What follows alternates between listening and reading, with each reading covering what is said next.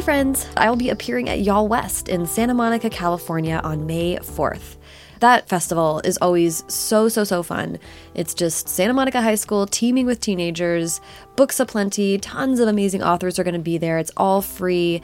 Uh, there's an In-N-Out truck. It's going to be a great time. So if you are near Los Angeles, California on May 4th, please do yourself a favor and come check it out. Get more info at the events page on sarahenny.com or firstdraftpod.com. Okay, now on with the show.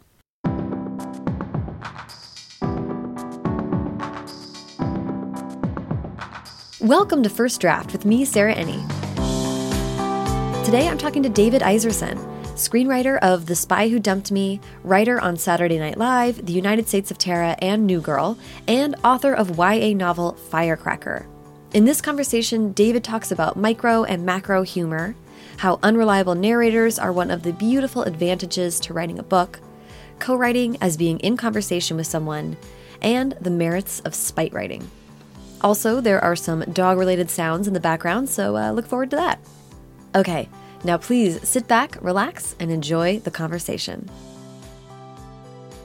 Okay, hi David, how are you? Hi, I'm great. How are you? I'm doing so well. Thanks for having me over to your place. yes. I'm so excited to chat. Um, so, okay, with my podcast, we go way, way, way back. So, I want to know about where you were born and raised. Where I was born and raised. Okay. So I was born and, and raised in New Jersey. Okay. Um, in uh, central New Jersey, in Freehold, New Jersey, is where I was born. And uh, yeah, that's like Springsteen country. Yeah. Um, Classic New Jersey. class, a classic New Jersey experience. there are shopping malls, there are diners. Mm-hmm. You know what what you would imagine, like you know, like peripheral Sopranos. Yeah. yeah, I love that. And when you were growing up, how was reading and writing a part of your childhood? I was a big reader, um, and and I, yeah, and I liked writing in the sense of like how kids write. Um, yeah, I would go to the library once a week, once every couple weeks, and I would get a giant pile, and I would I would just sort of mine my way through them. At the time when I was growing up, there were i mean i guess i don't read a lot of like super super young books for super young kids now so i don't exactly know how it, it goes now but I, I do remember there was like there was a real distinction between what were boys books and what were girls books and there were just very few boys books. Like if you were a young boy the books that were marketed to you were like very much like you know the kid who only threw strikeouts. Yeah. so um, Yeah. so i read Beyond Encyclopedia Brown, which I loved as a kid, I read almost exclusively books that were very explicitly marketed to girls. I read all of, a lot of Judy Blume. I read a lot of Sweet Valley High. Um, did not endear me a lot to my peer group, but that's that was what was available, and that's what I read. Well, which peer group, man? I mean, I was reading all those things too. That's it's so interesting. I, and I actually read an interview with you where you talked a little bit about that Yeah. because it was, you know, YA as the phenomenon we know now is so recent, relatively, that back in the day there wasn't so much between middle grade chapbooks No, and not. like Stephen King. You know, there kind of was a, a gap. Yeah, there was, and I like I, I remember there was just like a little like shelf at the B Dalton bookstore in the mall, and that's I mean, and that yeah, that encompassed everything. That Yeah. encompassed everything from when you were five years old to when you were fifteen years old. Yeah. But it is interesting to me that you that it is a choice by you to say like, well, let me give Sweet Valley High a chance Mm-hmm. instead of like maybe forcing yourself to read I don't know, Stephen King or something that's Oh, I, I read Stephen King too, but it was Yeah. a little later. Yeah. Yeah. I mean, I didn't have like a ton of friends, and I just, you know, I think I was just kind of looking for something to sort of hook into. Mm-hmm. And from what I remember, I mean, I haven't revisited Sweet Valley High in a really long time, but That would be I- fun. but they were definitely like they, they they definitely had their tangents where they were like they were like mysteries, and I and like the idea of like you know being nine or ten and like reading like a murder mystery, even if it was like you know under the umbrella of Sweet Valley High, like that was very appealing to me. Yeah, yeah. Kind of genre within the- Yeah, yeah, yeah, and it was yeah because it. I, I, I mean, I can't imagine it was particularly like gory, but it was it was paced like a mystery, and I and I, and I dug that. Yeah, yeah. I wasn't able to find too much about your time between growing up and then like starting to write for TV. Uh-huh. So I'd love to just hear about your early like storytelling days, how you got into writing for any kind of presentation or to be read. I remember having to like various grades in school we would like have to keep journals and like each of those journals would sometimes come not not necessarily your day but like come with a writing prompt. Yeah. and that that would you know somehow turn into a short story. So i just remember having like a sense of kind of how to put together a short story as a little kid. And then you know the two sort of things i was gravitating to in my interests were um, comic strips mm-hmm. not comic books. I never got like incredibly into comic books but i was really into comic strips like like calvin hobbes and bloom county and and and i would draw. So i love doing that. And so like those kind of encompass like very you know like they were mini stories. And so and so you know i would write stories in order to get to the place where I would have something to draw. And then I did a lot of theater, like a lot of like mm-hmm. local community theater. And there were, you know, and that would involve reading plays. And you know, it wasn't really it wasn't exactly writing, but it wasn't writing at all, but it gave me a sense of like to internalize storytelling in a way that like you didn't I didn't necessarily get just reading a book and putting it down. Because when you're rehearsing a play you're reading the same play over and over and over again. So it's just like the rhythms of it just just kind of became sort of embedded in in you. And then I went to um around uh, when I was uh, 12 years old I went to a, a summer camp like a creative arts summer camp like with uh, so it was like fine art and theater and comedy and it, it, it encompassed all these things. And so i would I would I, I went there more or less to perform. I weirdly like it came out of a book that i got out of the library. There was a book called, by paula danziger called there's a bat and bunk four bat and bunk five something like that. Yeah, and that and really and it was set in like an art summer camp and i was like oh wow so an art summer camp exists because before then you know where i grew up like you know Jews send their kids to summer camp. It's just like a weird thing. So, but I was, I think it was that's a, that's a national phenomenon. national phenomenon that Jews go to camps. um, but uh, you know, the camp I was going to was just, I mean, it was sports focused because I didn't know there was any other way. And I and I think part of like you know, if you're if you're building some sort of Venn diagram, like you know, like reading Sweet Valley High and drawing cartoons and and not being good at sports. Like it was really kind of hard for me to like to, to like kind of find my place. And so I found this like art summer camp, this this camp called Buck's Rock in Connecticut, and I would do plays and I would do um, comedy shows, and it eventually sort of turned into as I was go, go there for a few years, the other side of it, like writing things, writing writing little sketches and and little plays for other people to do. And to me it it felt a lot more fulfilling. Mm-hmm. And it just it made more sense. And it sort of came out of the synthesis of performing and and drawing and all of it it, it became a thing that like I had I'd had these I, I'd been playing with these different skills in other things and writing and writing plays and narratives and things like that just sort of made sense to me. And it, it sort of felt like an escalation of that. And i think and it was also around that time that i think like there, there was like this renaissance of like independent film. Mm. And you know it was like sort of the heyday of like tarantino and all of that where where there was a real focus on what screenwriters are and what mm-hmm. they do. And and so it wasn't until that moment that i was like oh that's like a job that people do that. And you know it's it's weird to think now because you can go on the internet and you can find any screenplay to anything and you can see oh this is what it looks like whatever. But like to get a screenplay at that point in the like in the 90s there was like a guy who sold screenplays on the street in new york city. There was sometimes like a collectible show that came to the local mall and you'd buy a screenplay and, and i mean it was it was just it was a whole other thing like how it's formatted and what it looks like and it was mm-hmm. a whole other thing to like just wrap my mind around like what this is. But it started just become this like exciting idea that okay that is that is a thing that could exist and that's a thing that maybe i could do Yeah, it's it, it to me it's so interesting to see where this happens for tons of different writers in lots of different mediums but that moment of like, oh, this is a job. like there is someone behind all of this is such an interesting moment for creative people. there's a i have this memory so i was in the comic book store in my local mall. Like most of you know as a new jersey preteen and teen most of my memories are mall related. And i was overhearing like the guy who worked behind the counter at the comic book store talking about the screenplay that he was writing. And it it's become like i live in los angeles now and it's like a cliche like everybody is writing a screenplay. But the, it was literally the first time in my life that i'd ever heard another human being talking about writing a screenplay. And i was like this guy's this guy must be like a pretty big deal. he was he was behind that. the counter in the Freehold Raceway Mall's comic book shop.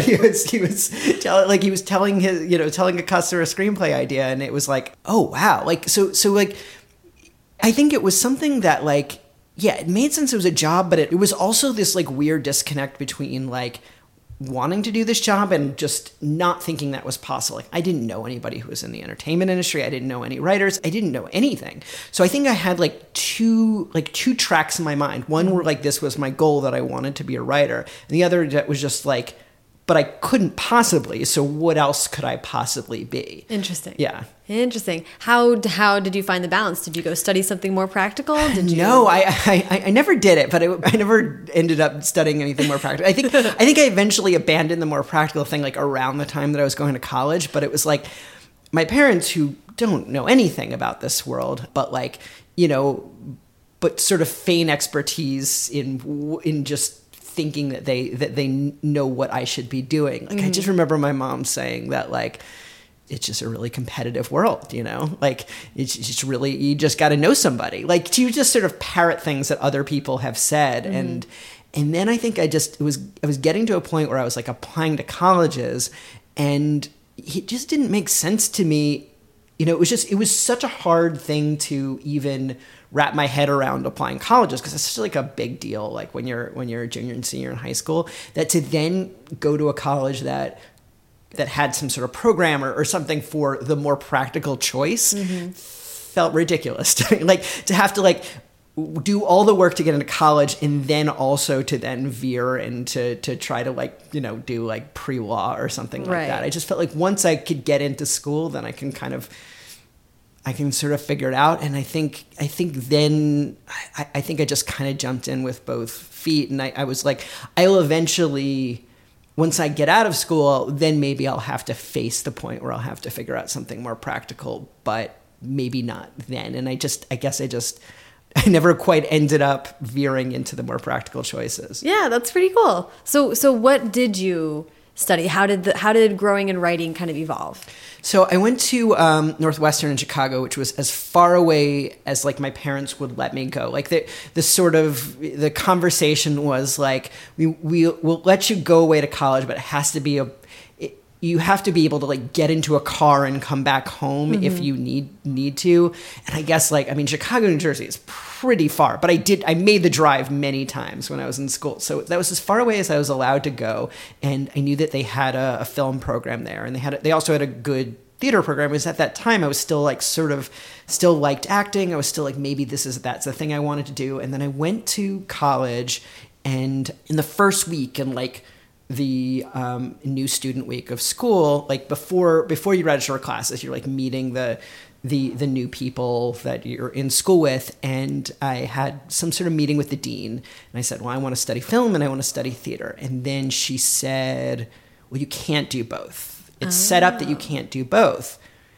Now, what I found out like since then is you can do both. You just kind of have to ask twice. Oh, but, but I'm just sort of like my TA, my freshman year TA was actor and director Zach Braff. So like he was yeah, he was he was studying film and uh, he was studying film and acting. But I didn't know that you were allowed to do that. So I was just like, all right, well then I got I have to make a choice and I was hanging out with some actors that week and hanging out with some aspiring filmmakers that week, and it just, I was just like, I think I would rather hang out with the filmmakers. That makes sense. Yeah.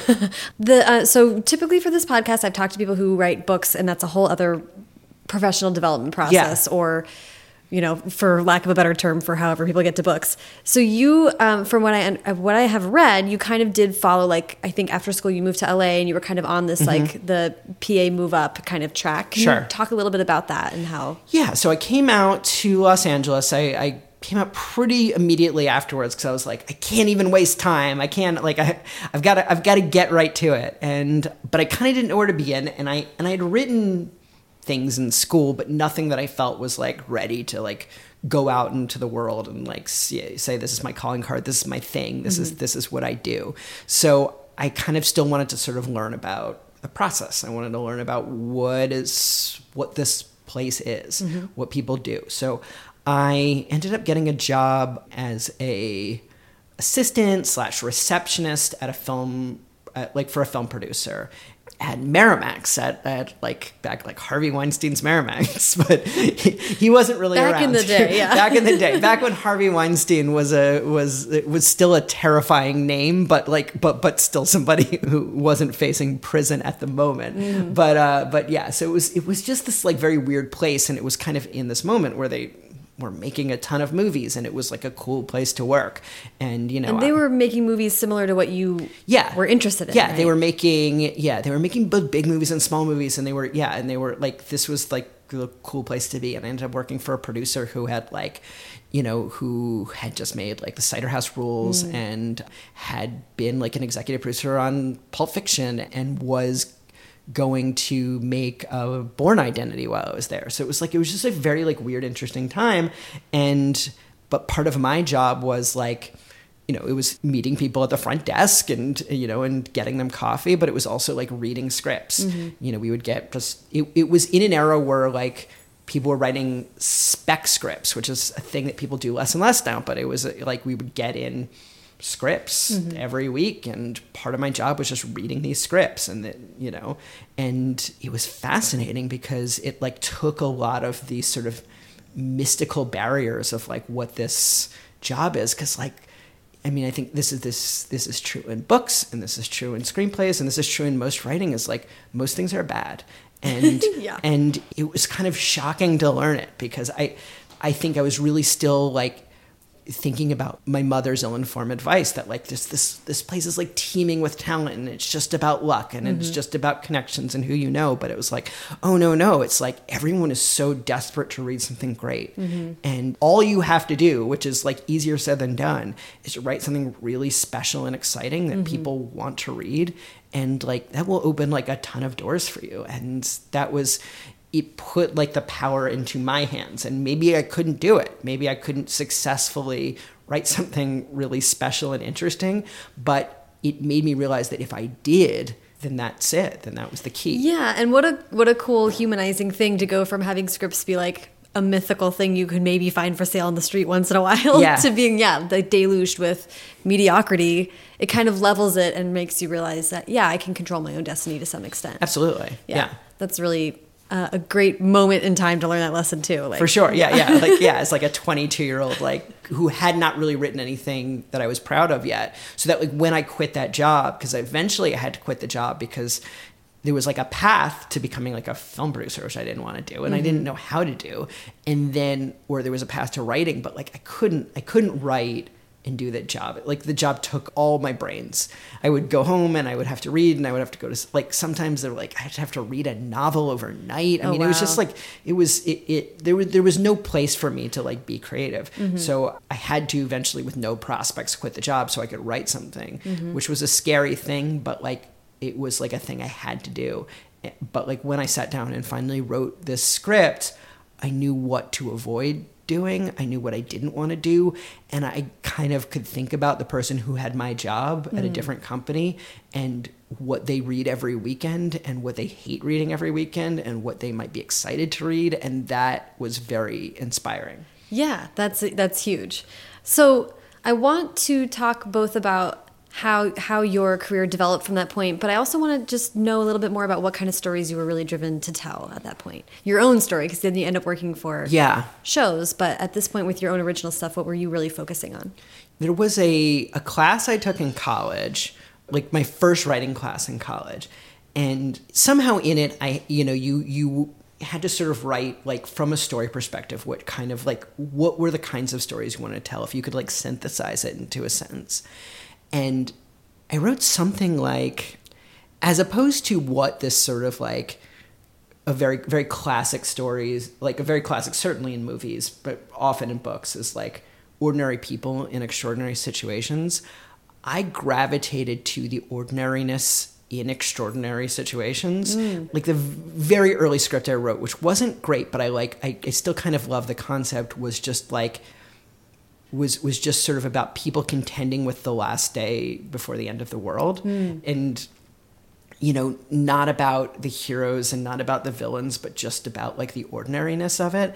And to me, that felt very. That I was. I'm always just sort of fascinated about. Always sort of fascinated about like you know the parts of like a big narrative that you just tend to not see you know? And to like jump forward to uh, spy who dumped me you know the the movie that i co-wrote that came out this year like it was very very important to me to address people on a spy adventure having to go to the bathroom because that is absolutely would be on the top of my mind if Yeah. I was if if if I was like running for my life. Yeah. So I think that it, from the very early goings, like I gravitate toward that, but beyond that, like I, you know, when I, when I'm trying to like figure out can I write something, mm. there are if I can hook into like a character, like sometimes just like a character will just sort of like come into my brain fully mm. formed and that makes it incredibly easy and i really do like to also write about just like people creating things i like to write pe- about people succeeding in even in some way Yeah. like whether it is how they're expecting to succeed or not but i kind of like to find the stories about like about creativity as well like that that always fascinates me I feel like it's always um I'm drawn to stories where we love characters because they're genuinely trying. Yeah. Like that's such a winning perspective to have on a character. Like when you're seeing someone really I always think about Parks and Rec and how every character in that show gets the chance to do something they're passionate about even if it's really ridiculous. And that just makes you relate to them so much. Yeah, yeah. I, I mean, I hate when I feel like a creator does not love their characters, Mm-hmm. and they'll sell them out for a story point or for A joke. Uh, a joke. And I think that like when I think about things that I'm not super happy with that I've written, and things that I am very happy with, it comes from just like a real love of the people, and it doesn't mean that they always like their journey has to be successful. It just yeah, it just means that like you just want them to want the best for themselves Right. and you want and and you want to find a focus on a point in their life when when something truly matters Yeah, yeah, right, right, right. Which is very appropriate for I think teen stories and like identity forming Yes. stories, right? So so let's talk about how how you how it developed for the career developed for you because then you also had a stint at SNL. yes that was my first writing job yeah How did that come about? so I wrote my script, and then I couldn't get anyone to really read it. So then I had to kind of go back, I had to go back into the workforce, mm-hmm. and I ended up in like, yeah, then a bunch of like short-lived jobs. Like I, I was working on TV shows that, you know, like getting lunches on TV shows that didn't last. And on one show, I, I befriended a writer, and she was very helpful to, you know, try to give me sort of like paths to like figure out like how to get jobs or what what to do in the next point in my career. And she had worked at SNL at one point, and her uh, current boyfriend, now husband, worked on Weekend Update, and so she offered to let me like fact like through him to like fax jokes into what they call fax it was emails. But they still call them faxing you know e- emails into to weekend update and just send send jokes. And i think in the beginning it was five jokes a week and then i and then i then they let me do 10 and then they let me do like an unlimited amount. Wow. and i would eventually get i'd get some jokes on the air. At that point it was um, tina fey and jimmy fallon were the anchors of weekend update and you get one on the air you know you get i got i got a check in the mail from tina fey for a hundred dollars but- Amazing. but like my joke was on TV and it was it was wonderful. So that was like the first money I really got as a writer ever. And then I got enough jokes on the air that I got a job the next season and I moved to New York. Now I wasn't like successful at SNL and oh, it's very hard to be like plenty of people are not um, no excuse but, but like I, I did okay I, I, I felt happy with what I did, but like it was not a job that I, I lasted at a tremendously long time, and it was really fun but really hard. And I think I think with a lot of like creative endeavors, and I think this sort of comes from like, you know, as I get older and as I get more perspective on things, like when things kind of end in I guess what can be described as failure, like, you know, I, I eventually they did not renew my contract. It kind of colors the experience. Then I kind of go back at it and I'm like, oh, like this was not a successful experience. Though at the time I felt perfectly fine. Right, right. Yeah. And tons of people go through SNL in any degree Yeah. of ways for however long. But I'm also interested in how that sketch writing and sketch comedy, which is so different from just writing a joke or from Yes. a comic strip or from you know, all these many, many different mediums you've been with. But I think it, still at your heart, you were looking, you were features was kind of your. Yeah, features were kind of my thing, or storytelling was.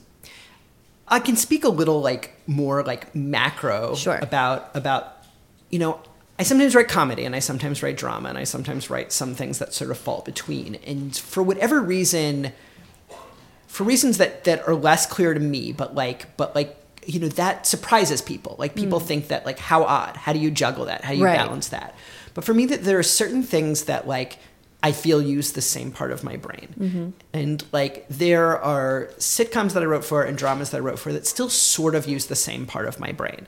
Sketches is are not like 100% like don't i don't 100% feel comfortable in that medium because i don't really feel like it's fully it's it's not quite telling a story and not quite telling a joke. Mm-hmm. So I think there are people who are just like real savants at those kind of concepts and how to organize that, but that is not exactly like that same part of my brain.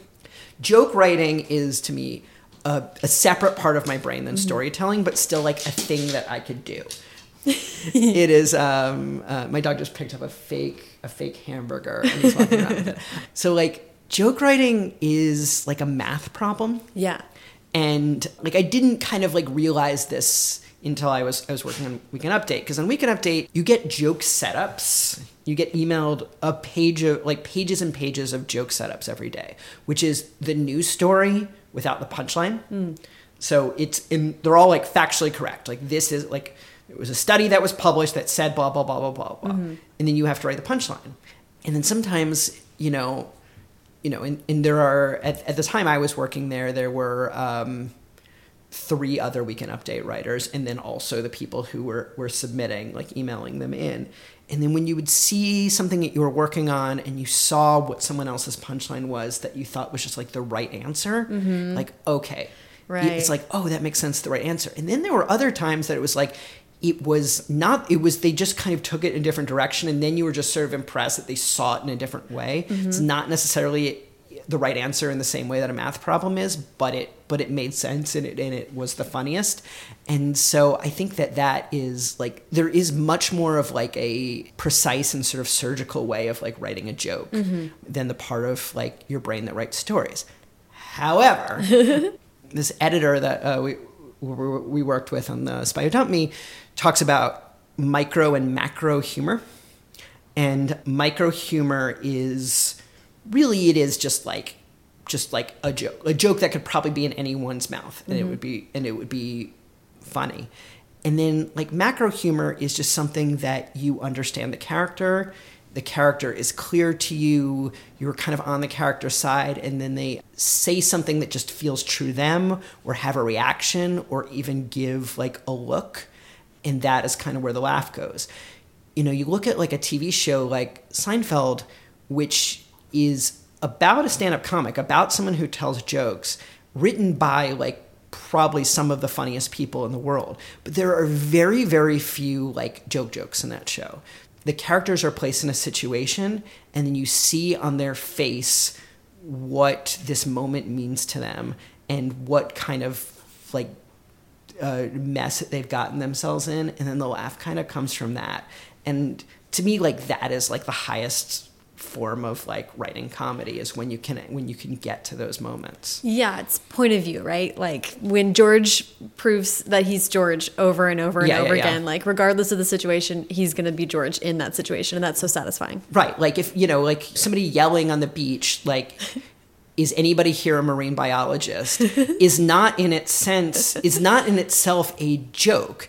You know, like I wrote for New Girl and in New Girl we wrote like joke jokes. We wrote like, you know, like that hat makes you look like a blah blah blah blah blah like mm-hmm. all the time. But that is not that kind of joke. That is a joke that if if it out of context is not funny. Right. In context is funny. And Yeah.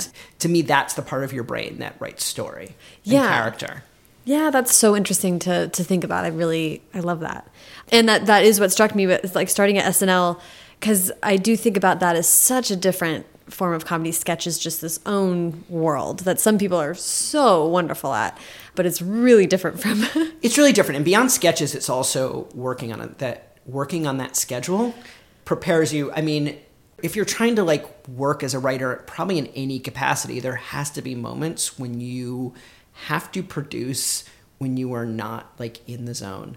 And like you know if you're if you're a novelist and you have to like you have to turn something in the next day and you were just like and you're not feeling it. Like that is i think where experience comes like i think you could write like brilliant things like the best things you've ever written when you are very early in your career when you're just getting a sense of it but it's very hard to duplicate those moments. But like when you're doing something like on an, incredibly tight deadline and on Saturday Night Live is literally like on Saturday night there there the show will be live and, and, and and there's nothing you can do about it and, and everything has to be there and done and ready and you know and there were moments on that job when like you would stand with a cue card guy and change words mm. as somebody was going out on stage. Wow you know to the world. And there's like you do, you don't have those moments to be precious and beautiful and just like think about your muse and, and wonder when the moment is going to hit you. Right. Um, i love that. And also like bringing to mind all the theater background you had and all that stuff. Kind of wild Let's talk about writing for TV mm -hmm. and then how the firecracker idea, I think, was kind of bouncing around in the background of, of that for a while. Yeah. So, how do you go from SNL to then being staffed on several shows? Yeah. So, I, when I, after SNL, I, I, was working on, I, I, wrote a bunch of movies that didn't get made or got made with without my scripts involved in them. And that was like a perfectly, like, it was, it was a weird life because I was writing and working and but like I kind of had nothing to show for it. I was mm -hmm. like it it you know, scripts are very much like a piece of a larger thing, and when the larger thing doesn't exist, it, it's you kind of don't know what to do with yourself, and you kind of don't know what to do with your ideas. Mm-hmm. So uh, from that, I, I I was like, I, I, I miss being around other people and I, I want to try something else. So I started working in television. Uh, so the first sort of scripted show I worked on was the show United States of Tara. That was like a, a really great experience and it was like felt like a really nice fit for me because it was it, it was drama and it was comedy and it was it was it was um it was a lot of it, it was it was a lot of things and kind of like mixed in a bunch of genres and and that to me felt like a very comfortable place to be in. Yet at the same time between writing movies that weren't made and between like working on other people's shows i felt like you know, I didn't have anything that felt like truly like mine. Mm-hmm. And, you know, I, I, I kind of like craved being able to like just hold something up and say, this, this is, this is complete. This is mine. This is, this came from me. And this is like, this, this is part of my identity. And this is like what I want to write. So when I was living in New York on SNL, I don't know exactly when the moment hit, but it was like just the name of this character just just like formed in my mind this name Astrid Krieger. And she's just sort of arrived fairly fully formed in a way that like y- you wish happens all the time in your writing but I didn't know what to do with it. Mm. I I just didn't know like what form it should take. So I just like just started writing just little moments and little scenes and eventually wrote a pilot I wrote a 30 page pilot about this character, which I was really happy with, but it still didn't fully feel like the exact right place for her. So I took a, uh, a short story writing class at UCLA Extension. And because I just sometimes I like taking classes. Mm-hmm. I, I like sometimes I just like deadlines. I like taking painting classes from time to time and yeah, so I was in this class, and um, and then I just started writing um, Astrid into these short stories, and the short stories felt like a really good format for this character. Like her voice was just very very clear, and I just fully understood it, and it was really really fun to write. But I also I had no idea what to do with like three disjointed short stories. Right, right, right. and um, so I was like, do I write it into a movie? Do I do whatever? And then eventually, like, I met with like a, a book agent who worked uh, my management company, and I and I gave him these short stories, and he thought, okay, this could be a book. So I was like, oh, book. Yeah, that that makes sense. That Right. that feels like the right place for it. Uh, the short stories were written in third person. He was the only change. He was like, he was like, it should be written in first person. Yeah, so I kind of turned those short stories into a book proposal, and and that sort of turned into what the book was. Wow. Okay, so before I ask more specific questions about Firecracker, do you mind just giving the the pitch for the book really quick? pitch for the book. I mean, now the book's been out for a few years, so like I haven't done this in a while. So let's Yeah. see if I. So Astrid Krieger is this acerbic. 17 year old girl at a boarding school from like this very powerful, wealthy political family in Connecticut. And she gets um, kicked out of her uh, fancy uh, boarding school and has to go to the public school in her local hometown and in the process try to become a better person. Yes. Or be forced into it in some way, shape, Yes. or form.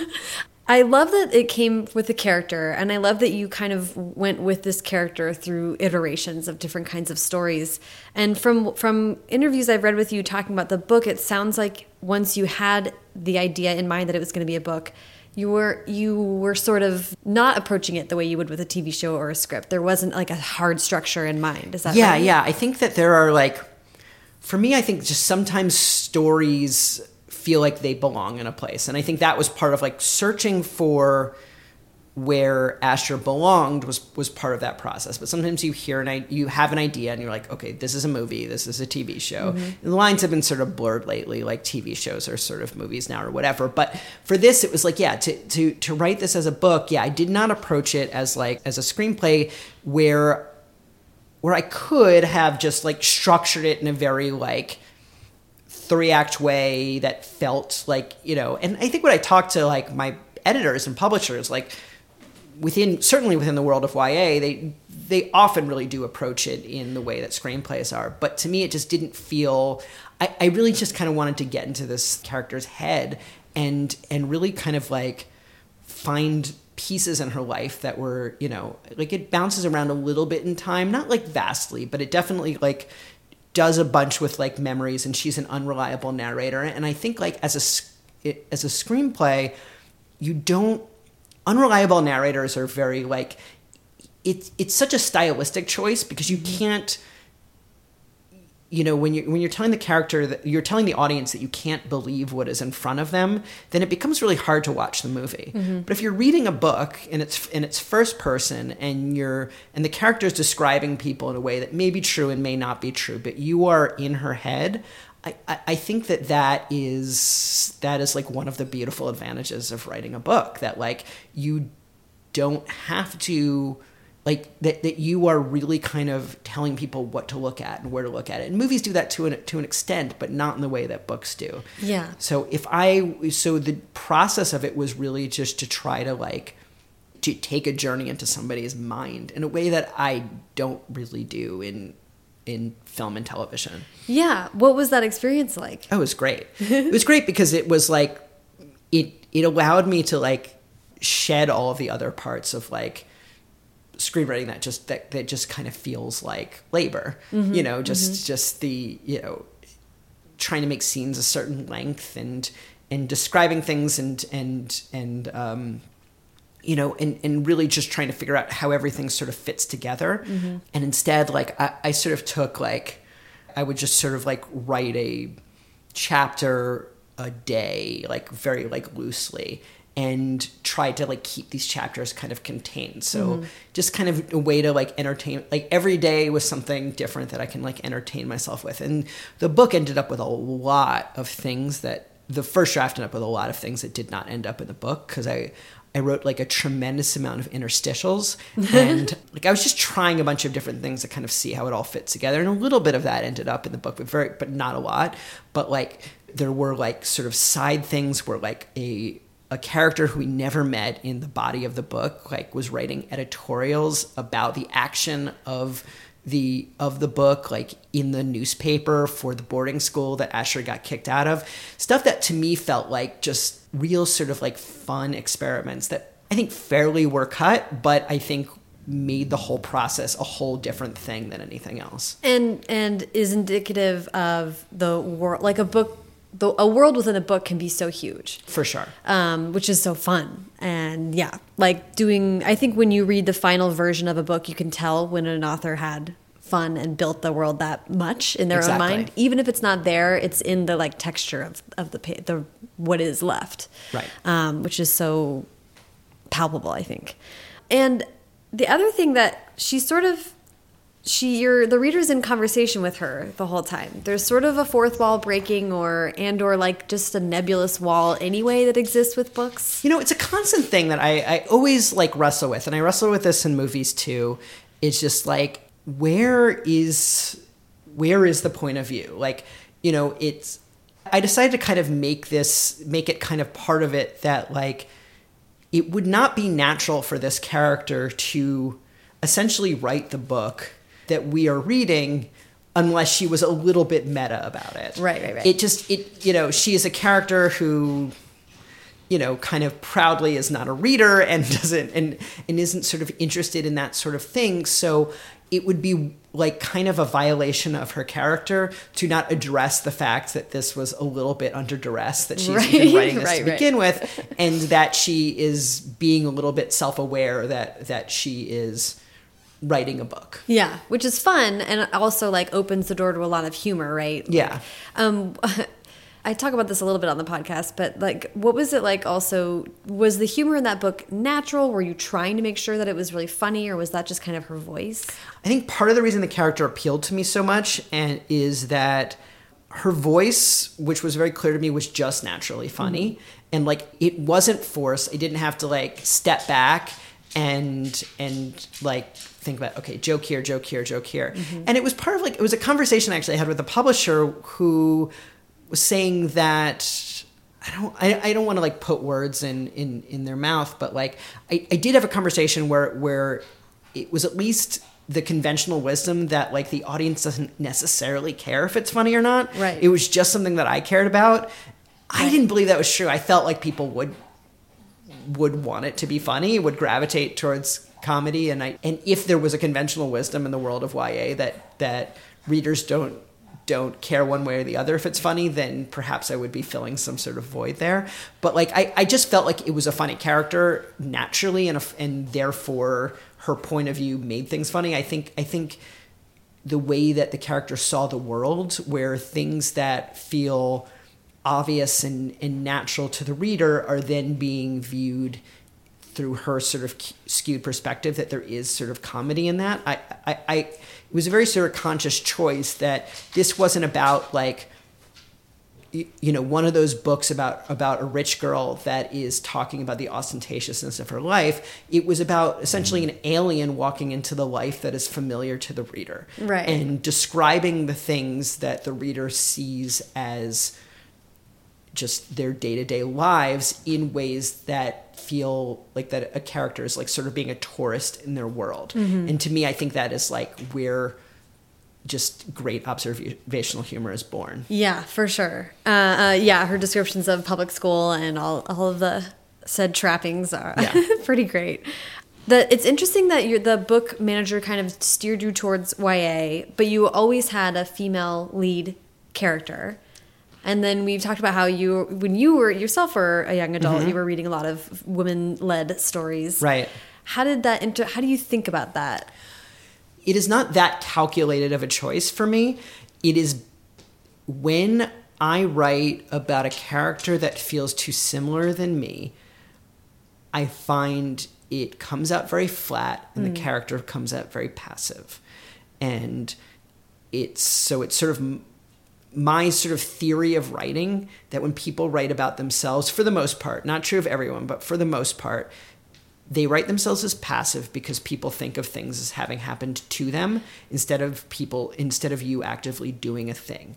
And so sometimes it helps to kind of shake out of yourself a little bit and to change just aesthetics to certain characters.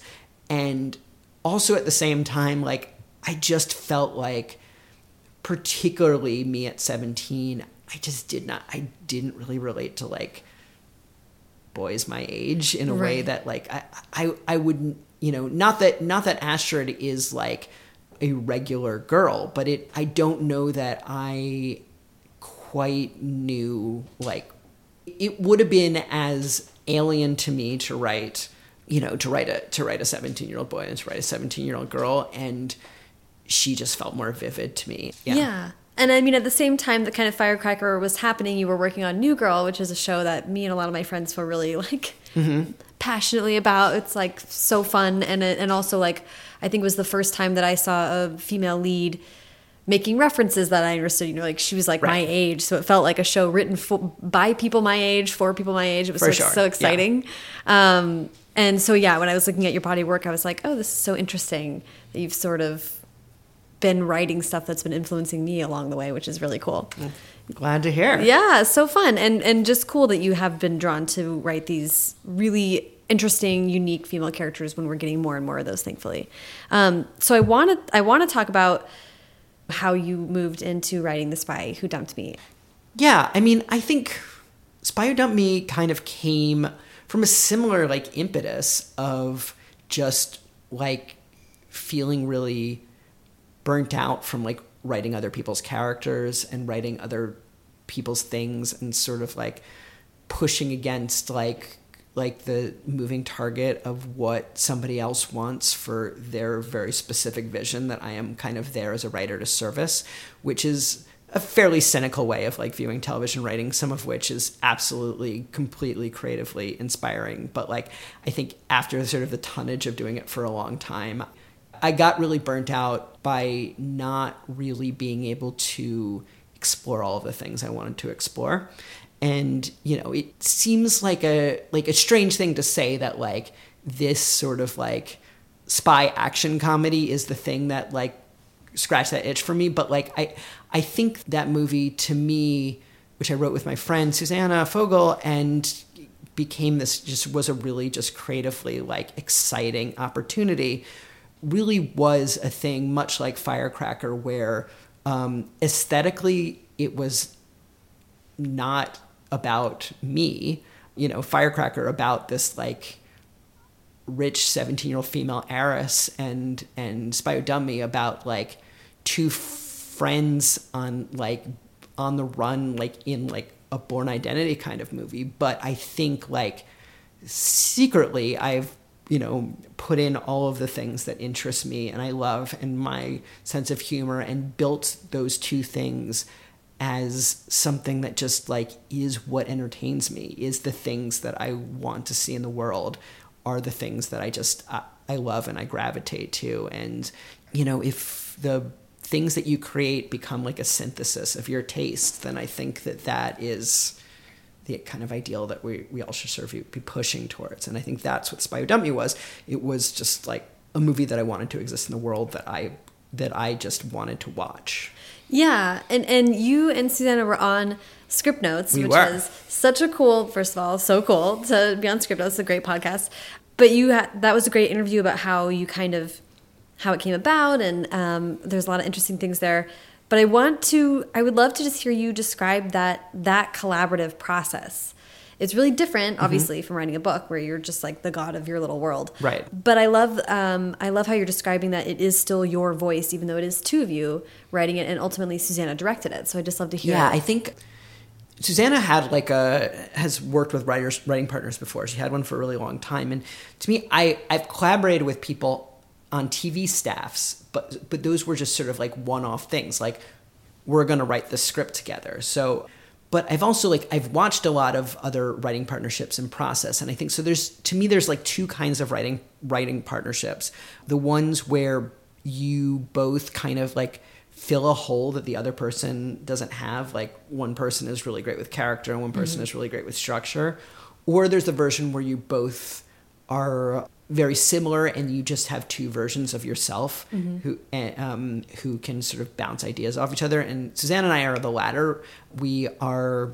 I mean, we definitely have differences in, in our writing, but for the most part, like we both sort of gravitate towards the same kind of things and have very similar, very um, like voices that that mesh with each other very well.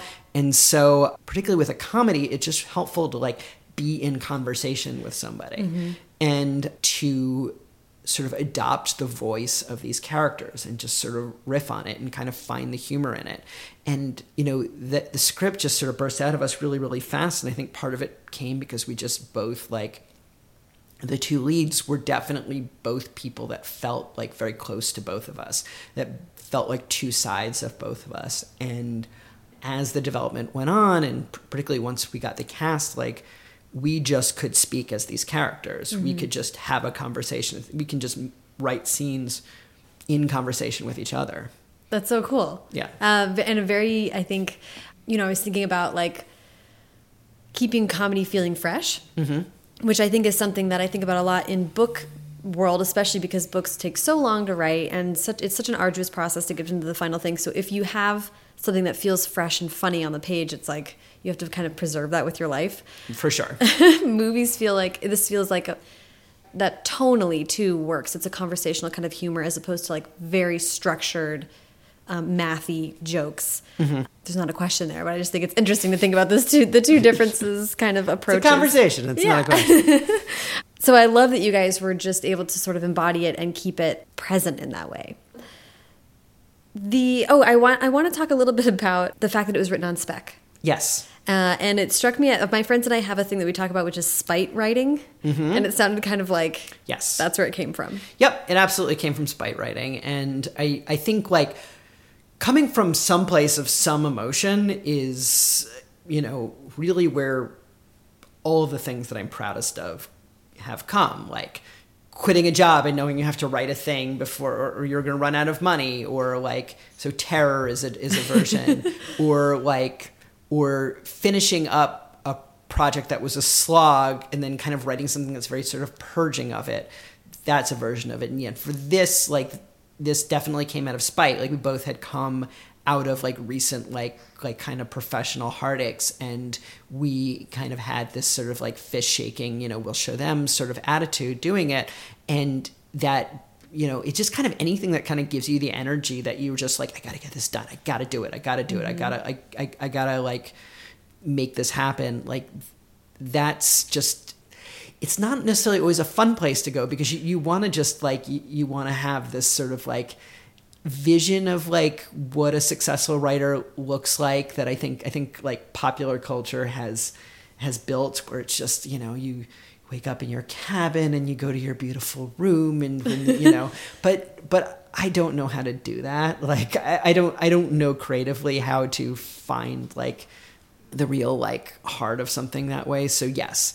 And then for spec why it was spec and why I just sort of like I feel very strongly about writing specs in general is like if you can afford to do it and it doesn't mean like if you're rich but if you could just like if you can take a little bit of time and hold off and just have the confidence in your thing to let it come out of you and then let other people start sticking their hands in it i think you're just going to become ultimately just much happier about it because even with their best intentions, having other people involved from the get go, you just kind of lose a sense on like of of who it belongs to and what this is for, and you hear other people's needs in your head as you're writing, and you're not writing to entertain yourself. You're not writing the thing that you wish exists in the world.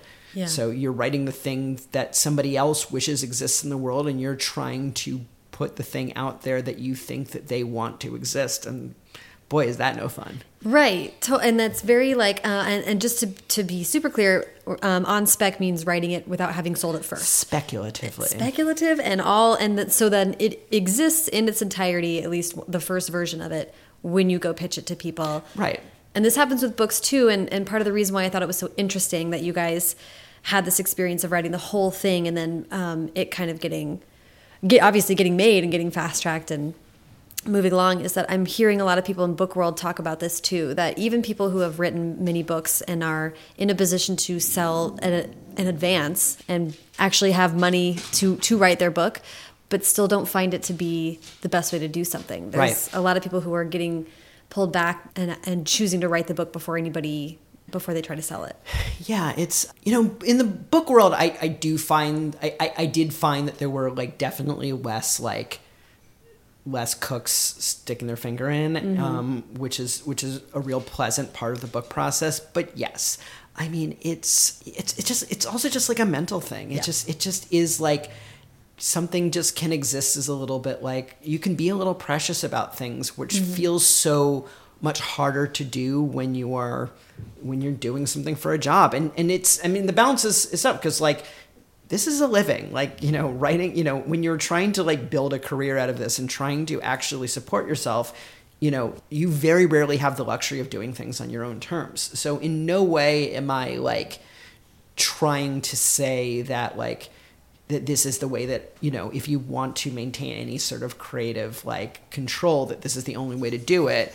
And fortunately like i have been lucky enough that like i can balance paying jobs with like jobs from for love i still have to work really really hard to you know to keep that balance going. Um, and also the other problem with specs is like when i finished the spy dump me script i also finished a script that i wrote by myself at the same time that still has not sold and you know and gone back and forth and tried a million ways and like you know try to put different pieces together. And it's another thing that i love it's mm-hmm. a passion project and i care a lot about.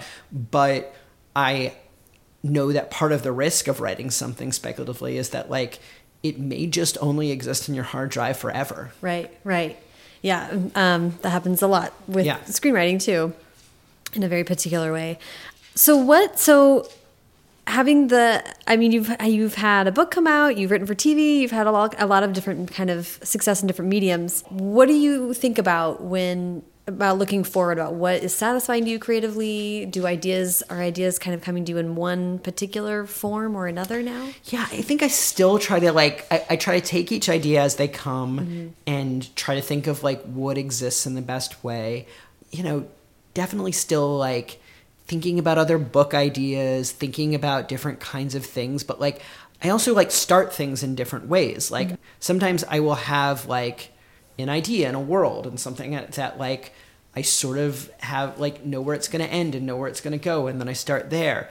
I have this other thing that I've been like noodling with for a long time and like putting away that like I literally don't know what it is. I, I love what I've written. I've written like like 40% of it.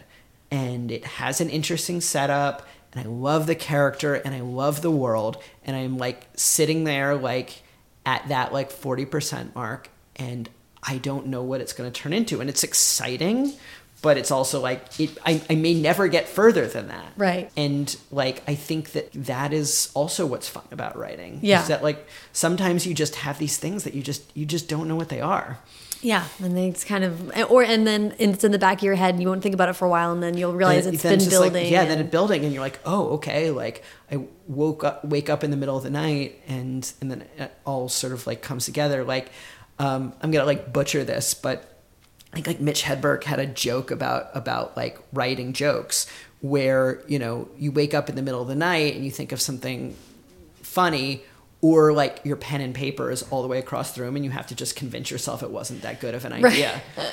yeah exactly. Yeah and, and um, you know it's like it's like susanna and i are writing another script and we just and we didn't quite have the ending. And then i like i woke up at like three o'clock in the morning because i was really jet lagged because i was on a trip. And i woke up and i was like oh i know what the last like 20 pages are.